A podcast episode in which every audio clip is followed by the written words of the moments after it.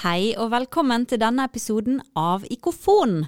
Vi har startet på et nytt semester og fortsetter også med å lage podkastepisoder for deg. En ekstra velkommen til nye lyttere. Ikofon er en podkast som gjør fag og forskning innen kirkelig undervisning lett tilgjengelig for dere som jobber med barn og unge i kirken. Her snakker vi med forskere, praktikere og forfattere om aktuelle tema og gir deg en spennende oppdatering på ca. 20 minutter. Jeg heter Annbjørg Dalland, jeg jobber her på IKO kirkelig pedagogisk senter. Og jeg sitter ikke her alene. Hei, Asbjørn Håkonseth. Ja, god morgen til deg. I dag skal vi snakke om formidling og bibelfortellinger for barn og unge. Det er noe du jobber mye med, Asbjørn. Derfor er du på en måte både gjest og vert i dag. Ja, det er fint. Um, og bibelformidling for barn og unge det er jo en sentral del av hele IK sitt arbeid. Mm, I vår kom din første IK-bok, 'Fem fortellinger om Jesus'. Bli med! En barnebok for barn i aldersgruppen to til tre år. Um, hvordan du jobbet med den, skal vi høre litt mer om etter hvert. Men først må vi introdusere den andre gjesten, og det er deg, Ingunn Odland.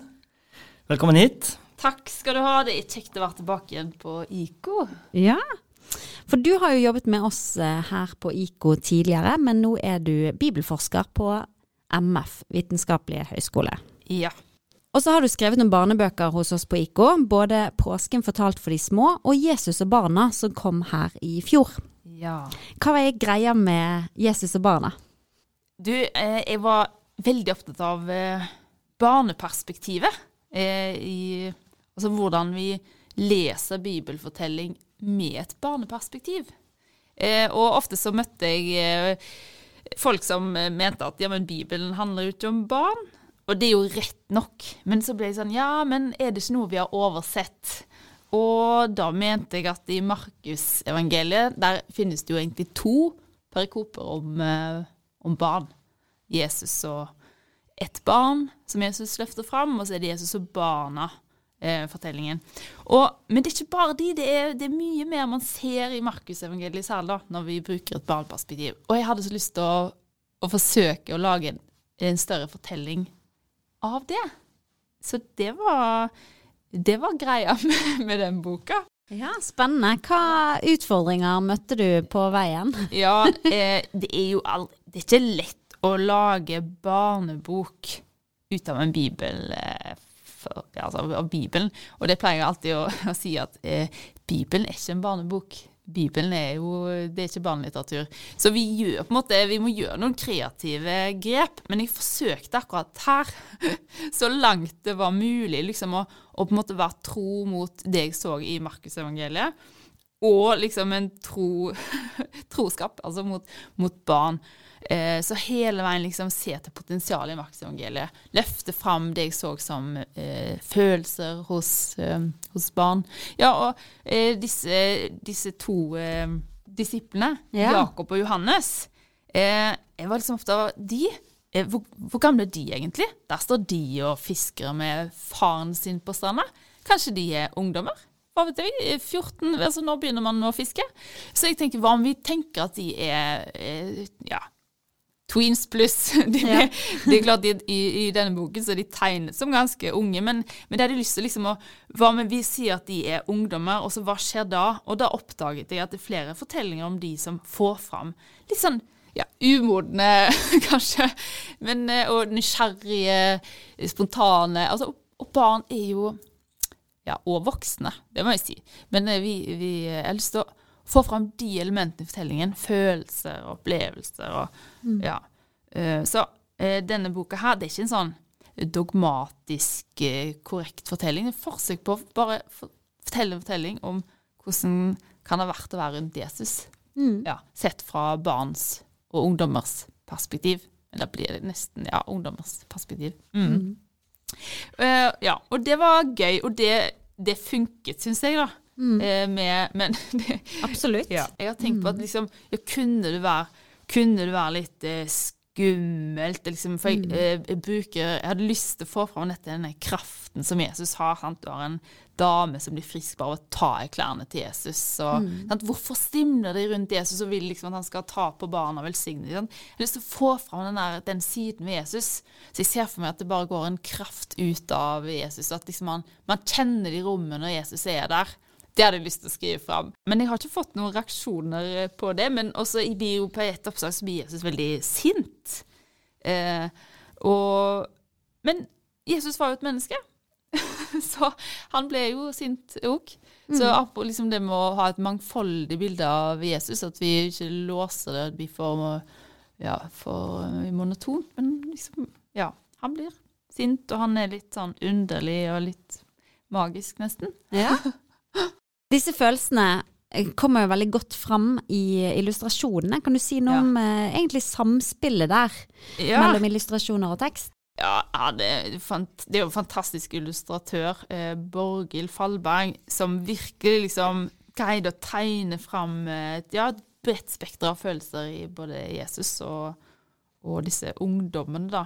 Så for, for vi valgte liksom å ta ut Virkelig dvele ved disse følelsene som oppstår hos, eh, ja, hos Jakob og Johannes, og de liksom dytter hverandre og blir sure på hverandre. Ja. Så, og det tror jeg jo det skal, Jeg tror det kan skape gjenkjennelse Absolutt. hos mange. Mm. Og da mener jeg ikke bare barn. Da tenker jeg på oss voksne òg. Mm. Mm.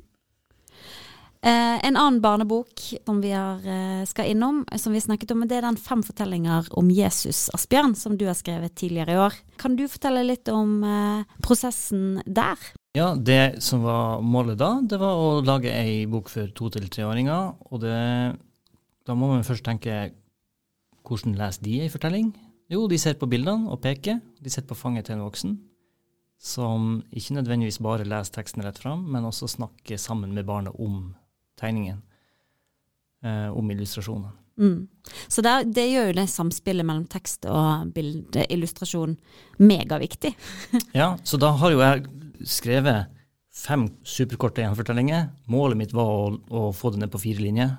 Det, noen ganger måtte jeg ha fem for å få det faktisk til å bli en sammenhengende fortelling med et fortellingsforløp, uh, og mm. få fram den konteksten som, som uh, fortellingsforløpet skjer i.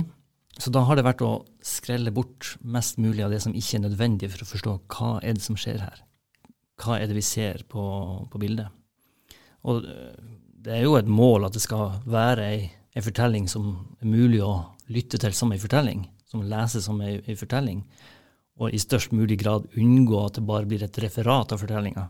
Så blir det på en måte noen knagger å henge, uh, å henge fortellinga på. Det er noen ord. Vi må, vi må ha med noen viktige ord og vi må sette dem i en, i en sammenheng som viser at, hva, hva, det er som skjer. Og det er noe som må forklare hva som skjer på illustrasjon, sånn at man har et, et grunnlag å snakke om illustrasjon ut fra. Men det mest utfordrende med dette det har jo vært nettopp det å få det til å bli så kort som mulig, og fortsatt få fram innholdet, og få fram Ja, og, og ikke overforenkle. Få fram nok til at det skal være ei fortelling som er mulig å forstå. Um, og samtidig ha en åpen tolkning. Det er bibelteksten vi skal formidle, ikke hvordan vi mener at barna skal forstå, eller uh, si at denne bibelfortellinga handler om vennskap eller tilgivelse. Det er ikke, det er ikke denne sjangeren. Her er det å, å gi fortellinga og la barnet og den voksne kunne snakke om, snakke om uh, illustrasjonen sammen. For at barnet skal kanskje kjenne igjen fortellinga når de får høre den på nytt senere, litt mer utdypa. Mm. Jeg har jo mye med muntlig formidling, og da er jo kunsten en annen. Da kan man jo eh, strekke det ut eh, så langt man bare klarer, hvis man klarer å holde oppmerksomheten, hvis man klarer å gi eh, det som skal til av bakgrunnskunnskap, eh, kontekstkunnskap, hvis man klarer å flette det inn på gode måter i den muntlige fortellinga, da kan man klare å holde oppmerksomheten til barna lenge. Da kan det hende man må fylle ut med ganske mye av eh, det du Ingunn nevner som eh, ja, følelser og, og reaksjoner, og eh, ting barna kan kjenne seg mer igjen i. Så det blir jo en annen sjanger. Her er det kortest mulig og best mulig som fortelling. Som gjengivelse av, av bibelteksten. Mm. Hvordan kan vi fortelle en fortelling enkelt uten å miste for mye av fortellingen? Hmm. Jeg ville ikke vært redd for å miste for mye av fortellingen.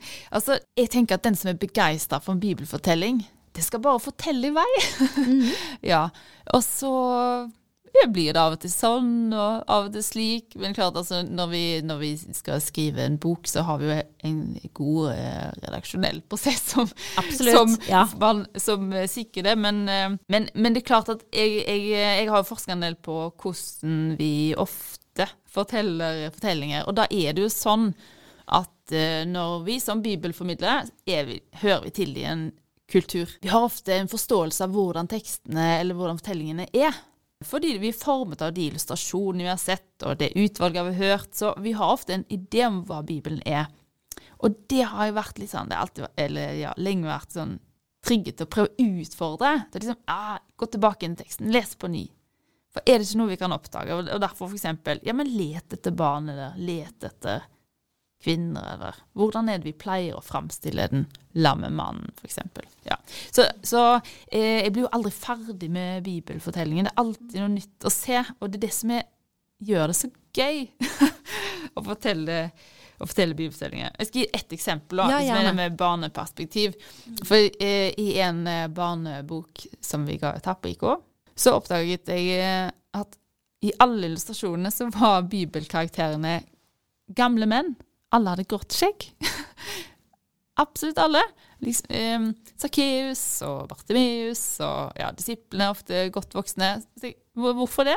Og det, det er ikke en, tror ikke det er en sånn bevisst, bevisst ting. Det er bare at man ser for seg ja, det, er sånn, det var det man så for seg. Ja, det var deg det jeg så for meg når jeg hørte det ja, og da yngre. er det ikke rart at når man snakker om hvilke barn finnes, så, det, så kommer man ikke på Det er jo ingen barn i Bibelen. Så jeg, ja, det kan jo hende at det handler om hvordan vi tror og tenker og har blitt liksom fortalt Bibelen. Så, og det er det samme med, med kvinner. Mm. Er det noen kvinner i Bibelen da, egentlig? Ja, et, hvis vi leter, og ja. Og så selvfølgelig så er det jo ikke Man finner jo det man finner. Det er en Bibelen er en antikk bok. Ja. Så av og til må vi hjelpe litt til. Men uh, gi bibelfortellingen en sjanse å lese på ny med nye perspektiv, så oppdager man alltid noe nytt. Mm. Ja, for nå kommer vi inn på uh, dette med din forskning. Du er en uh, bibelforsker. Du har sett et, litt kritisk på dette med barnelitteratur. Hvilke fallgruver er det vi fort havner i? Ja, altså Enhver tid har mange fallgruver. Og jeg, først må jeg jo si at sant, jeg sitter jo her og både har jeg eh, vært eh, sprø nok til å skrive barnebøker, eh, når jeg har tidligere forsket på kritisk på hvordan det gjøres. Jeg òg garantert ramler i fallgruver. Altså, jeg håper Jeg vil bli bæret hvis noen ville kritisk sett på de. Selvfølgelig har vi har blindsoner alltid. Mm. Og derfor skal vi alltid fortsette å lese på ny og lese kritisk. Så- Ja, ta det med ro. Vi har ikke Ja. invitert deg her som fasit. Det har vi ikke. Vi, er, Men, vi men jo, faller alle. Men jeg kan si, altså noe jeg tenker fallgruven, det å låse seg for mye til at sånn, sånn må det være. Alltid være liksom, tørre å være litt selvkritisk. Hvilke ideer er det jeg har? Hva ligger under min bibelformidling? Hvordan er Jesusforståelsen min? Er en refleksjon av meg sjøl og mine egne verdier, eller er jeg villig til å la meg utfordre? Vi har jo alltid en agenda, og det, det, det vil jeg bare si at det er flott. Det er jo fantastisk. Men å liksom, hvis vi som fellesskap våger å være selvkritiske. Hva er, hva er det noe med vår agenda som kanskje rammer noen? Hvordan framstiller jeg eh, de jødiske andre, eksempel? Mm. For av og til så dukker det liksom de Man ser for sånn, Bibelfortellingene handler om sant, Jesus og de første kristne, og så har vi de, de andre. Sant, hva dukker opp i de eh, Hva dukker opp der? Eller hvordan framstiller vi den lamme mannen? Hvilke ideer har vi om å være lam, f.eks.? Det dukker opp mange ting der. Og så om sant, barn. Hva dukker opp i illustrasjonene? Ja, sånn kunne vi fortsette. Alltid liksom være selvkritiske til hva er på vår agenda, bevisst og ubevisst. Og fordi veldig veldig mye er ubevisst, så må vi aktivere noen perspektiv som vi på en måte ikke bare har med oss. Sånn er det jo litt i dine bøker, Asbjørn, for denne Fem fortellinger om Jesus er første i en serie på i hvert fall tre. Ja, det kommer flere. ja, og Eh, da har vi jo på en måte hatt et bevisst forhold i oppbyggingen. Eh, Her går det på tema. Hva er tema i Bli med? Ja, I Bli med så er det fem fortellinger der Jesus møter andre mennesker. Mm. Hva som skjer i de møtene. Mm. Det kan man jo det kan man ha hvilket perspektiv man bare kan tenke seg til når man leser bibelteksten. Og spesielt uh, utfordrende er det kanskje når Jesus møter kvinna ved brønnen i Johannes 4, der Johannes refererer den samtalen som om den handler om alt og ingenting, og vi skjønner ikke hva, hva den, den, ene replikken handler om den forrige, hvordan de er knytta sammen, de replikkene i den samtalen. Så hva, hva, er det egentlig vi formidler, spesielt når jeg skal referere det på fem linjer, og få med at det var ved en brønn, og at den siste linjen må være at hun ble glad, for det ble jo. Da har vi lagt fra oss ei ganske standard lesning, eh, som, som, er veldig vanlig i det Ingunn kaller for den kulturelle bibelen, da, om at dette er ei, ei eh, fortelling om ei som blir tilgitt for eh, masse menn og noe sånne greier. Så har vi heller sagt dette handler om at hun får vite at Jesus er Guds sønn. Det er ei åpenbaring av Messias-hemmeligheten. Da er det det den får handle om. Da har vi vært bevisst på eh, det perspektivet på kvinner, har å si i den kulturelle bibelen. Og så ser vi men hva skal, hva skal det være hos oss? Og det arbeidet Ingunn har gjort øh, med Jesus og barna, og Borghild Fallberg også har gjort med å illustrere Johannes og Jakob som, som ungdommer, det gjør jo at Simon og Andreas, fiskerne, er illustrert som ja, jeg tror de kanskje er tenåringer der òg, ja. i, i fem fortellinger om Jesus. Så der har vi valgt fem fortellinger om Jesus som møter mennesker. Øh, så kommer det fem fortellinger om undera som Jesus gjorde. Eh, og så kommer det fem fortellinger om oppstandelsesfortellinger. Mm. Om Jesus eh, sine møter med vennene etter oppstandelsen. Mm. Da har det vært Hvordan kan vi få vari en variasjon av fortellinger innenfor disse, innenfor disse temaene? Mm. Til slutt, mens eh, jeg har eh, dere her, eh, så har jeg jo veldig lyst på noe, noen tips på blokken. Eh, Ingunn, hvilke, eh, hvilke, bibelfortellinger bør vi jobbe videre med her på IK? Eh, har du noen eh, kanskje uvanlige eh, fortellinger som vi burde trekke fram i en barnebok? Uh, Eller er det et dumt spørsmål? Uh, det, er ikke, det, er ikke, et dumt spørsmål. Det er et spørsmål jeg ofte får. Uh, hvilke bør vi bruke, og hvilket utvalg skal vi ha? Og det er litt lurt å tenke gjennom hvilke bibelfortellinger vi bruker til å representere evangeliet. Men samtidig så tenker jeg sånn det spiller ingen rolle, vi kan bruke hva som helst. Det er alltid like vanskelig. ja. Det er alltid like vanskelig å gå fra den antikke tekstene sant, til bibelfortellinger for barn. Mm. Som skal underholde, og vi skal ha noe verdi. Så det er en kjempe sånn stor spagat der. Og den er vanskelig uansett hvilke tekster vi velger. Og så er det jo noen tekster som selvfølgelig fungerer lettere enn ikke. Men, men um, kanskje det er de som vi allerede er veldig vant med å bruke, fordi det er de som ja. Ja, fungerer godt, som er lett å kjenne seg igjen i. Mm. Bruk den samme, gjerne flere ganger, men tenk på hva er min agenda i denne fortellingen? Er det noe jeg har oversett? Er det noe jeg kan eh, eksperimentere med? Gjøre det litt annerledes? Ja. Gøy? Ja? Ja, det er gøy. Ingunn og Asbjørn, tusen takk for at dere kom hit i dag. Eh, det ble veldig spennende å høre på. Og eh, jeg har takk for at dere har hørt på så høres vi.